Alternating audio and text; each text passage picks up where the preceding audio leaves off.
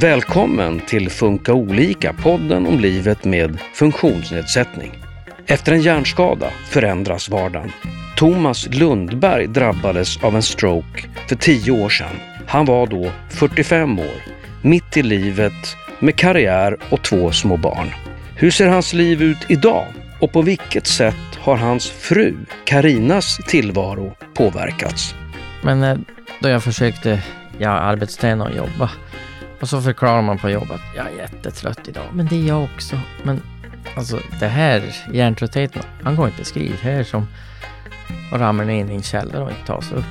Sen hade vi ju en, en psykolog i, i början på Danderydstiden och hon sa, att, eh, hon sa till mig, eller till oss, att väldigt många hänger inte ihop med en sån en stor skada som Thomas har. Och då sa hon någonting om att ja, men, eh, bli inte förvånad om ni skiljer inom, inom tio år. Och då så skulle jag bevisa henne motsatsen på något sätt, kände jag. Men nu har det ju gått tio år så att vi är fortfarande ihop. Mm. Och så är jag så oerhört trevlig. Ja, idag handlar podden om förvärvad hjärnskada i vuxen ålder.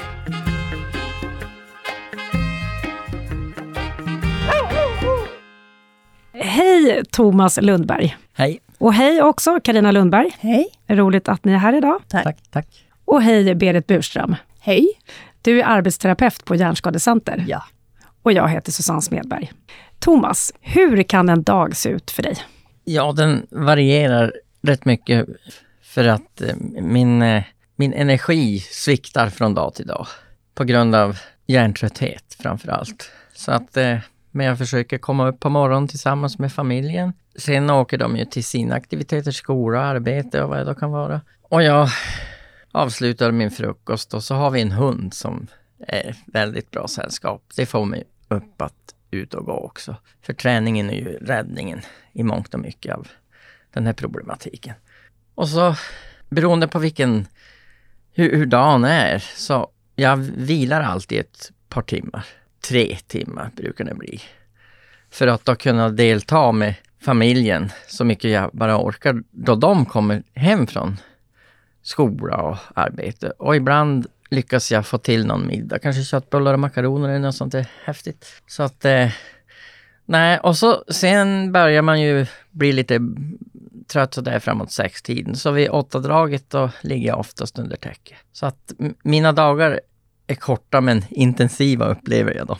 Eh, förutom hjärntrötthet, eh, påverkar hjärnskadan dig på något annat sätt? Ja, jag har väldigt mycket så kallad spasticitet och, och det påverkar ju musklerna, to, tonus. Och då blir det också väldigt en hel del smärta som är också ett vardagligt problem. Så smärta och hjärntrötthet. Vad är viktigt då för att ha en bra dag? Planering är oerhört viktigt. Fast, fasta rutiner, tider, alltså får jag inte sova då den tiden jag har tänkt mig på dagen, eller då jag börjar, jag känner ju ganska snabbt då, jag, då tröttheten kommer och då, då måste jag ju på något sätt fånga upp den. För jag har ju provat själv att, nej vi struntar i att jag blev trött idag, men då får jag betala det dag två eller tre. Vad orsakade hjärnskadan? Vad hände? Man vet inte riktigt varför Thomas fick en hjärnskada rent medicinskt. Alltså det är inte klarlagt varför han får den, eller fick den. Eh, vad som hände, det var väl egentligen en helt vanlig helg.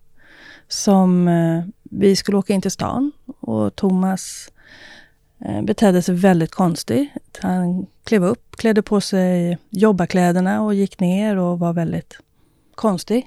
Skulle gå in och laga frukost i arbetsrummet och där föll han ihop. Och då förstod jag ganska direkt när barnen skrek att vad det var. För då kopplade jag ihop med att han hade, hade varit, haft väldigt huvudvärk dagen innan. Och betett sig annorlunda på, på kvällen innan. Men då tyckte man bara att det var liksom, ja men han är trött, han har varit förkyld länge. Och, och då tänkte man bara, ja men då hade vi ju barn som var tre och fem, eller två och fyra var de när det här hände. Så att man, vi trodde bara att du var trött och hade fått ont i huvudet därför, på fredagskvällen. Men eh, sen föll han ihop där i eh, tvätt, eller i ett Ja, arbetsrum. i arbetsrummet föll han ihop. Och då ringde Och då du? tog jag bara telefon. Då sprang jag från tvättstugan, tog telefonen, ringde 112 på vägen och när jag såg honom så... Jag förstod på barnens skrik att det är allvarligt. Och då sluddrade han och försökte säga något. Och så hängde vänster sida i ansiktet. Och vad hände sen då? För då kom ni in till sjukhuset. Ja, det blev ju... Eh, det var dimmigt den här dagen så att det kom ingen helikopter tyvärr, utan det blev en ambulansfärd till eh, Sankt Göran, där det direkt började prata om att vi skulle åka till KS och så blev det ett KS. Och där blev det nästan som ett tv-program. De kom och frågade flera gånger om de fick operera honom där och nu.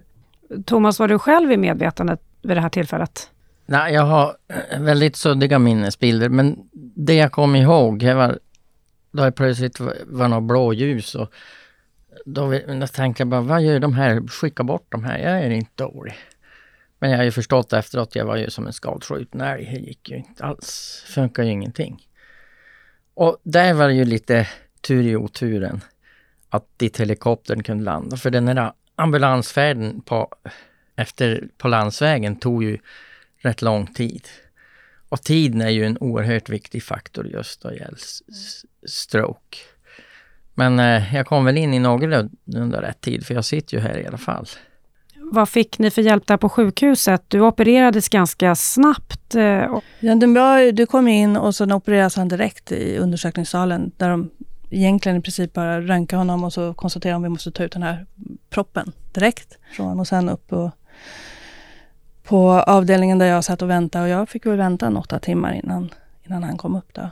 Och då, då hade jag ju fått eh, min vänin, eh, eller mina, min svägerska kom och höll med sällskap och min bror. Sen var han kvar på KS under kraftig bevakning, ständig bevakning, två, tre sköterskor runt sig i, i en vecka. När han ansågs stabil och, göra, och fungera liksom någorlunda så flyttade han sig över till Sankt Göran, dit vi hör. Och det blev en liten chock, för på, på KS så var de väldigt positiva. Det här kommer gå bra, han kommer komma tillbaka och han gör framsteg och, och sådär. För det var väldigt tufft när man kom. Thomas inte kände igen mig eller han inte ja, bevakades dygnet runt så var det väldigt chockartat. Sen när vi kom till Sankt Göran så blev det träffade vi en läkare som sa till mig att eh, du kan ställa in dig på att ha en man som kommer sitta i rullstol resten av livet och sondmatas. Han var väldigt krass. Hur var det för dig under den här tiden? Det var, det var kaosartat. Alltså jag hamnade i någon, eh, ja, någon bara överlevnadsstrategi. Det var hemskt. Ehm, all, det var som om mattan bara rycktes undan och man bara föll. Men jag hade ju två barn hemma som gick på dagis. Det var bara att fixa. Jag hade en, eh, ja, min bror och min svägerska och min mamma framför allt klev in och hjälpte till. Men jag pendlade, jag hamnade, jag blev sjukskriven ganska direkt. I alla fall de första två, tre veckorna. Och för mig var det jätteviktigt att vara hemma och ha barnen eh, på morgonen. Och att sen försöka få dem till dagis och sådär. Normala rutiner för dem. Och sen så åkte jag till sjukhuset på dagarna. Fick du någon hjälp under den här tiden från eh, ja, sjukvården? Eh, jag blev sjukskriven. Det var väl det, hjälpen. Och sen så läkarna på KS, eller sjuksköterskorna på KS och, och Sankt Göran stöttade väl upp lite grann. Men det, de fanns ju mest där för Thomas, inte för mig. Så att nej, in, in, inte mer än det. Sen flyttade sig Thomas till Danderyd en månad efter Sankt Göran och där hamnade vi igen i ett team som var väldigt positiva och att det här kommer gå bra och nu kommer vi lära oss. Och han fick ju lära sig allting på nytt. Ja, jag förstår det som att äh, Thomas låg ganska länge på sjukhus, nästan ja. två år. Ja, um, helt inneliggande var det jag tror det tog tre månader innan han ens fick komma hem på en dag permission och då var det med sjuksköterska som följde med och rullstol. Hur funkade det hemma då? Var ert hem då fick anpassat? Han, nej, vi fick eh, anpassningar. Eh, ett räcke till på utsidan och en ramp och sådär. Eh, lite grann. Men nu, kom, nu var ju målet inte att han skulle sitta i rullstol, utan målet var att han skulle kunna röra sig så. Men han var inneliggande ganska länge. Eh, och sen var han hemma på först dagpermissioner och sen blev det helgpermissioner. Då. I början när du var hemma så hade ju Thomas någon sjuksköterska med sig. Men sen blev det jag som hjälpte till. Och sen med två små barn också? Ja, det var, det var mycket att balansera. Och så jobba däremellan. Men, men just då så jobbade jag nog eh, halvtid och sen gick jag upp på 75 procent för att hinna och orka. Thomas, när du var på sjukhus då, vad, vad, fick du hjälp med där? På sjukhuset fick jag nog hjälp med det mesta. Det, det jag minns, det akuta ske, skeendet på, på KS, det var de fantastiskt bra alltså. Och den här trombektomin tror jag hette den de gjorde. Den, den räddade ju livet på mig. Det är någon typ av operation? Ja, Går in i ljumsken och så letar de sig upp med, med blodådrarna upp och så borrar de in i proppen och drog ut den. Men jag fattade ju inte första tiden att jag hade haft en stroke. För jag vet, läkaren kom och skulle berätta då för mig att du har haft det. Men du vet, jag låg ju bara fnissade under täcket för jag hade ju ont i ljumsken. Jag tänkte han hade blandat ihop mig med någon annan patient, men så var det ju inte. Så att, eh, men till slut kom man väl underfund med att det är allvarligt där. För jag hamnade ju som sagt på Danderyds och ett helt team där. Helt fantastiska människor. Men där var det mycket rehab? eh, Ja, jag var ju helt fokuserad på rehab. Och gå? Gå och stå och sitta. För jag vet i början där de sa, nu ska du lära dig sitta. Eh, nej men det kan jag, men du vet jag var som ett ägg. Jag ramlade åt alla håll och kanter. Men de gjorde ett fantastiskt jobb där. Till slut fick jag ju komma hem då på små permisar. Men jag tänker, Karina berättade att eh, i början där du kände inte igen henne. Minns du alls det här? nej, inte inte, jag, jag kan, kom, kommer inte ihåg att de var och hälsade på mig och sådär. Ja. Men, men just det här, jag låg ju där så lång tid så jag kommer ihåg just det här. Man blev ju nästan kompisar med dem som jobbade för man träffade dem ju varje dag. Så att eh, det var mycket träning. Och, och jag förstod ju det att här är det, är det ingen idé att lägga sig under något täcke och tro att allting ordnar sig. Utan här var ju kämpa hela tiden. Och till slut kom jag ju upp på benen och det, det var ju ett framsteg. Berit, eh, när vi hör här Karina och eh, Thomas, är det här, känner du igen den här berättelsen? Ja, jag gör det. Det är många som har drabbats på liknande sätt. Och eh, ja, det, det är precis som Karina och Thomas berättar här, den här upplevelsen av kaos, olika besked. Och också, det är jättefint att höra er berätta hur, hur ni sen kom till Danderyd och hur du upplevde den här positiva stämningen att, att nu ska jag komma igen och nu, nu ska jag lära mig sitta. Hur eh, kan man påverkas av en hjärnskada? Ser det olika ut beroende på allvarlighetsgrad? Ja, förvisso, absolut. Eh, det Thomas råkade ut för var en, en, en allvarlig hjärnskada och det finns ju väldigt stor skillnad där. Eh, det som också är typiskt det är ju det här att eh, direkt efter skadan så är man väldigt förvirrad och i ett mycket sämre tillstånd. Så över tid så sker det ju en viss spontan förbättring. Men sen tar ju hjärnviljan och träningen vid för att komma vidare och vidare och vidare. Thomas, hur var det för dig att komma hem sen då? Först på permission och sen eh, efter sjukhusvistelsen. Ja, det var en märklig upplevelse för om vi börjar då där jag var på Danderyd, till slut fick man ju komma upp på någon träningscykel och titta ut genom ett fönster. Och det var det bussar och folk och allt möjligt. Så att där, där, då fattar man ju att va, världen fortsatte ju att rulla fastän jag var dålig. Så, men det var fantastiskt att komma hem. Men det var ju lite tråkigt för min fru att få, ja då hade hon tre barn att ta hand om. Så att, eh, men eh, nej det var, det var en diffus upplevelse att, och så just det här, jag behövde hjälp hela tiden. Vid matbordet, på toaletten, i duschen, när jag skulle lägga mig, när jag skulle stiga upp. Så samtidigt som det var skönt att komma hem, då kände jag att jag var eh, liksom en belastning också för min familj. Så det var skönt att åka tillbaks till sjukhuset på söndagen eller måndagen. Så det, det var väl lite deprimerande också. Men du tävlar ju med Max om vem som skulle bli blö- blöjfri först. Ja, det var ju sommar där så vi sprang Max, ju halv, er son. Ja. Våran son. vi sprang skulle bli- halvnakna där. ja. Jag tänkte jag ska vinna. Vad tänkte era barn då? De var rätt små, men de måste ändå... De var ju två, två och fyra och Max skulle ju fylla tre och Minja fem, bara någon månad efteråt. Och de tog det lite olika skulle jag vilja säga. Minja som var fem år, hon blev ju väldigt duktig flicka. Hon hjälpte till med allt. Och väldigt skötsam och väldigt sådär och, och stöttande liksom fast hon var fem år. Medan Max han, han blev väldigt tyst, väldigt inombunden och väldigt bar på ganska mycket ilska tror jag. Så han var väldigt tyst och sådär men sen eh, om det hände någonting så kunde han bara explodera och bli jätte, jättearg.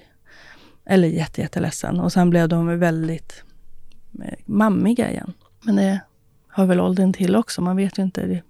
Vi har ju aldrig varit föräldrar förut till en tre och femåring eller två, fyra som de var när det hände precis då.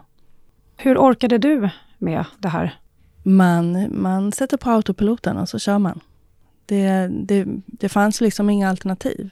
Men sen blev du också längre sjukskriven. Ja, um, något år, två, två och ett halvt år efter det här när Thomas sen började arbetsträna och komma igång igen lite grann och vardagen började komma igång, då hade jag väl inte så mycket marginaler kvar och när det blev en organisation på, på jobbet så orkade jag mäktade inte med det. Det, det, blev en, det blev för mycket förändringar.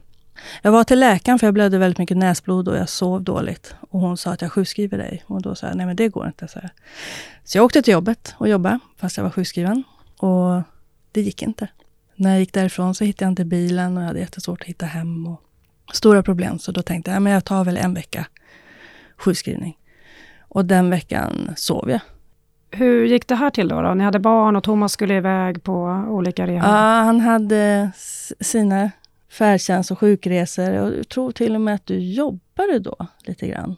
Du arbetstränade eller, eller arbetade när jag, när jag gick in. Alltså han hade börjat komma tillbaka så pass så att han var och arbetstränade eller arbete, var tillbaka lite grann i arbetet faktiskt. Då, då det smällde till för mig. Och det tog väl mig två veckor, första två veckors sjukskrivningen jag förstod. Så att jag hade jättesvårt. Jag hade jättesvårt att fatta de minsta beslut. Som att ligga i sängen och bara känna att man är kissnödig och så visste man inte om man skulle gå på toaletten eller vad man skulle göra. Eh, jag tänker det Berit, eh, det är mycket faller på Karina här. Hur eh, kan det bli för närstående när någon drabbas? Ja, alltså det som Karina beskriver här, det, det är ju ett vanligt scenario. Och också det här, man, man hör din berättelse att den första tiden är man på autopilot. Man, man, man ger järnet och det är bara att köra. Så. Och sen kan det gå ett år, två år, sen smäller det till. Att nu, nu, nu är det min tur. Nu orkar inte jag längre jag vet inte hur det var för dig, men, men att eh, det är ju väldigt viktigt att man i vården inte bara fokuserar på dig Thomas, utan också ser anhörigas behov av stöd och att, eh, att anhöriga får hjälp att också tänka kring liksom, hur ska jag orka och vad behöver jag för att orka? Vad finns det för hjälp man kan få då som eh, anhörig? Man ska ges eh, möjlighet till samtalsstöd, eh, stöd av kurator när det gäller praktiska ekonomiska saker. Man ska också se till barnens behov. Men det här stödet, det behöver ges återkommande över tid. Därför att i ett skede, när det, i det akuta läget, då kanske man inte riktigt kan ta till sig allt det här, utan man, man, eh, alltså man blir en eh, tiger. Man kämpar bara för sin eh, närmaste och ser inte sina egna behov.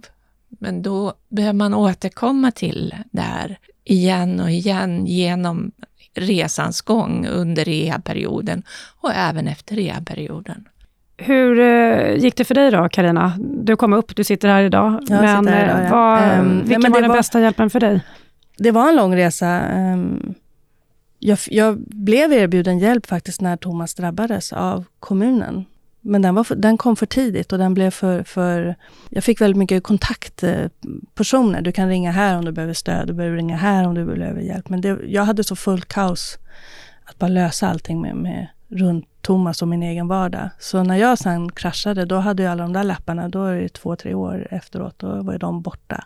Men eh, jag blev sjukskriven ehm, och jag sov ganska mycket. Alltså så fort jag fick tid så sov jag. Um, sen så tog jag mig själv i... Jag är ju väldigt hästintresserad och djurintresserad överhuvudtaget. Så att jag tog mig till stallet och bara var där. Och då fick jag stöd och jag fick hjälp och jag hjälpte till att mocka och de uppskattade det. Och ibland mockade en box eller en spilta och sen åkte jag hem och sen blev det lite mer och lite mer. Så jag tog tag i min... Det blev som en egen rehabilitering. Det var även där vi fick tag i vår hund.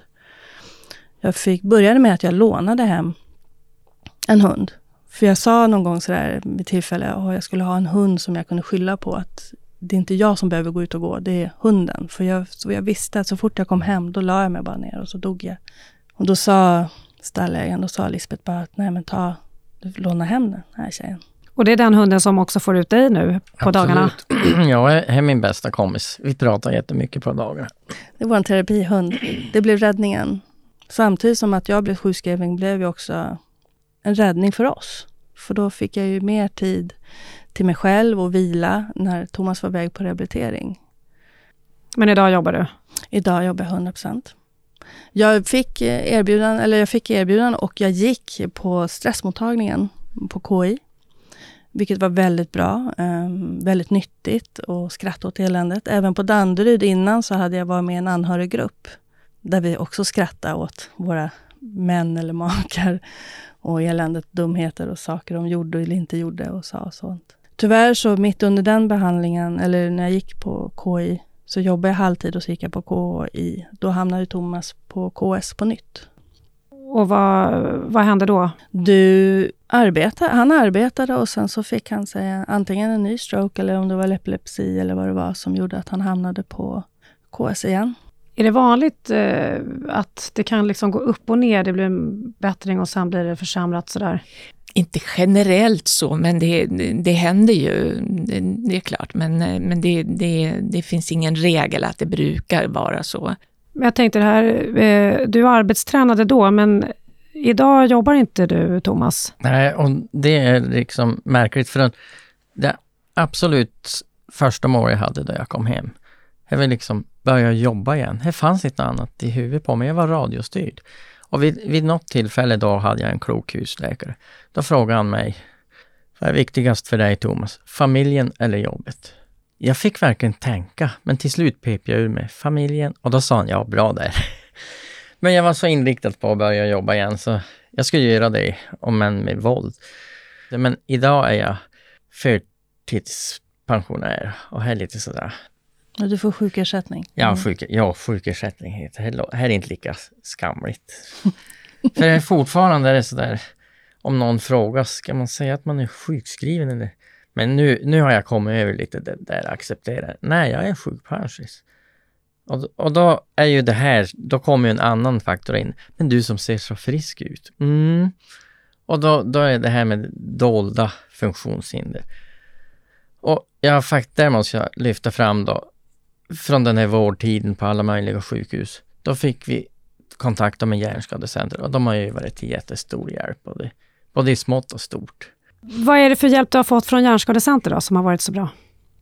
Ja, framförallt en sjukgymnast där som har varit väldigt framåt och tänkt på en massa olika saker och, och även med praktiska saker, med, med underlag till försäkringskassor, och, för de är ju en speciell myndighet de också.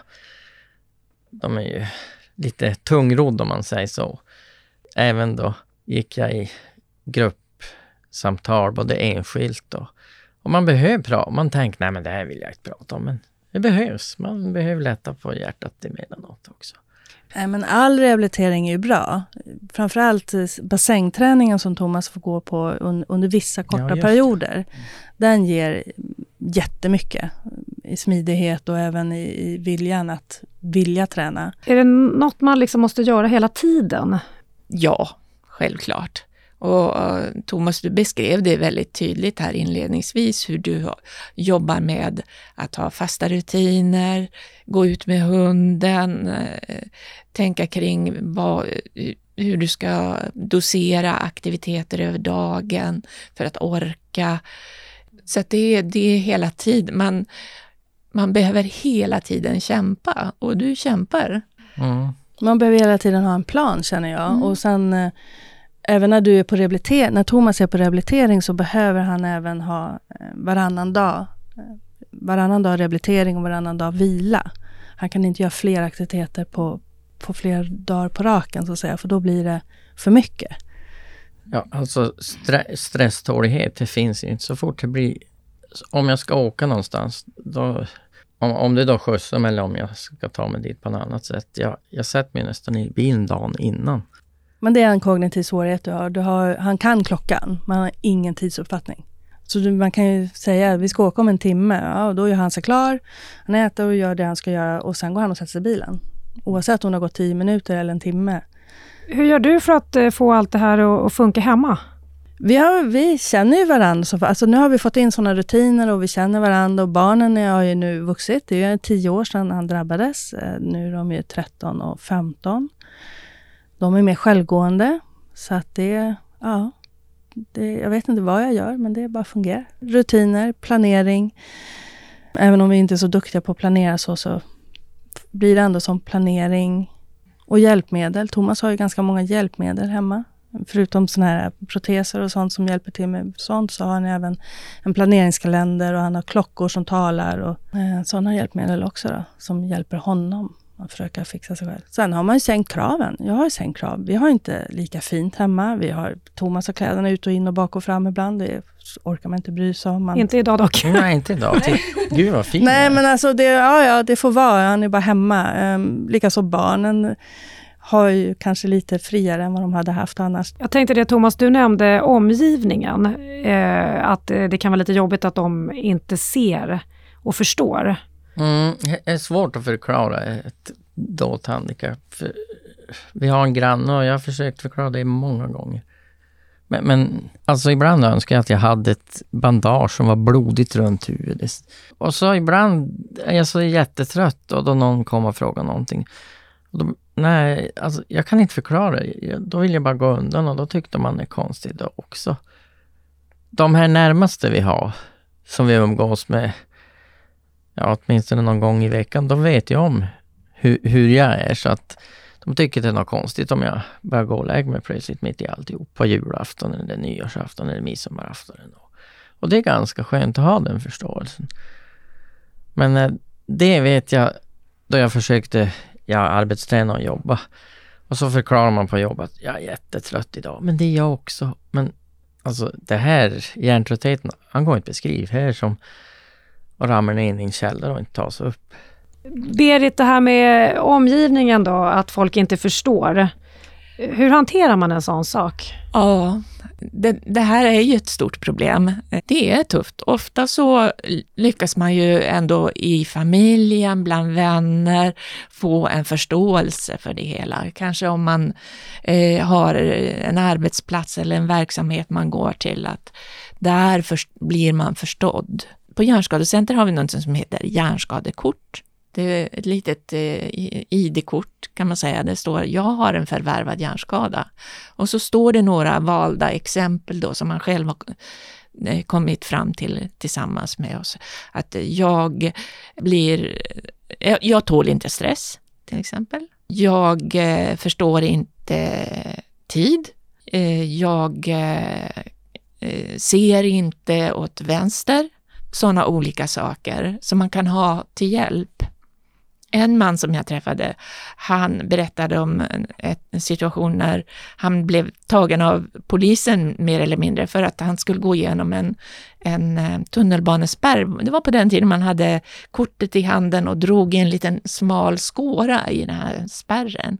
Men han var förlamad på den sidan så att han kunde inte utan han gick till spärren, eh, luckan där det sitter en person. Och personen säger nej, du får inte gå här, du ska dra kortet i spärren.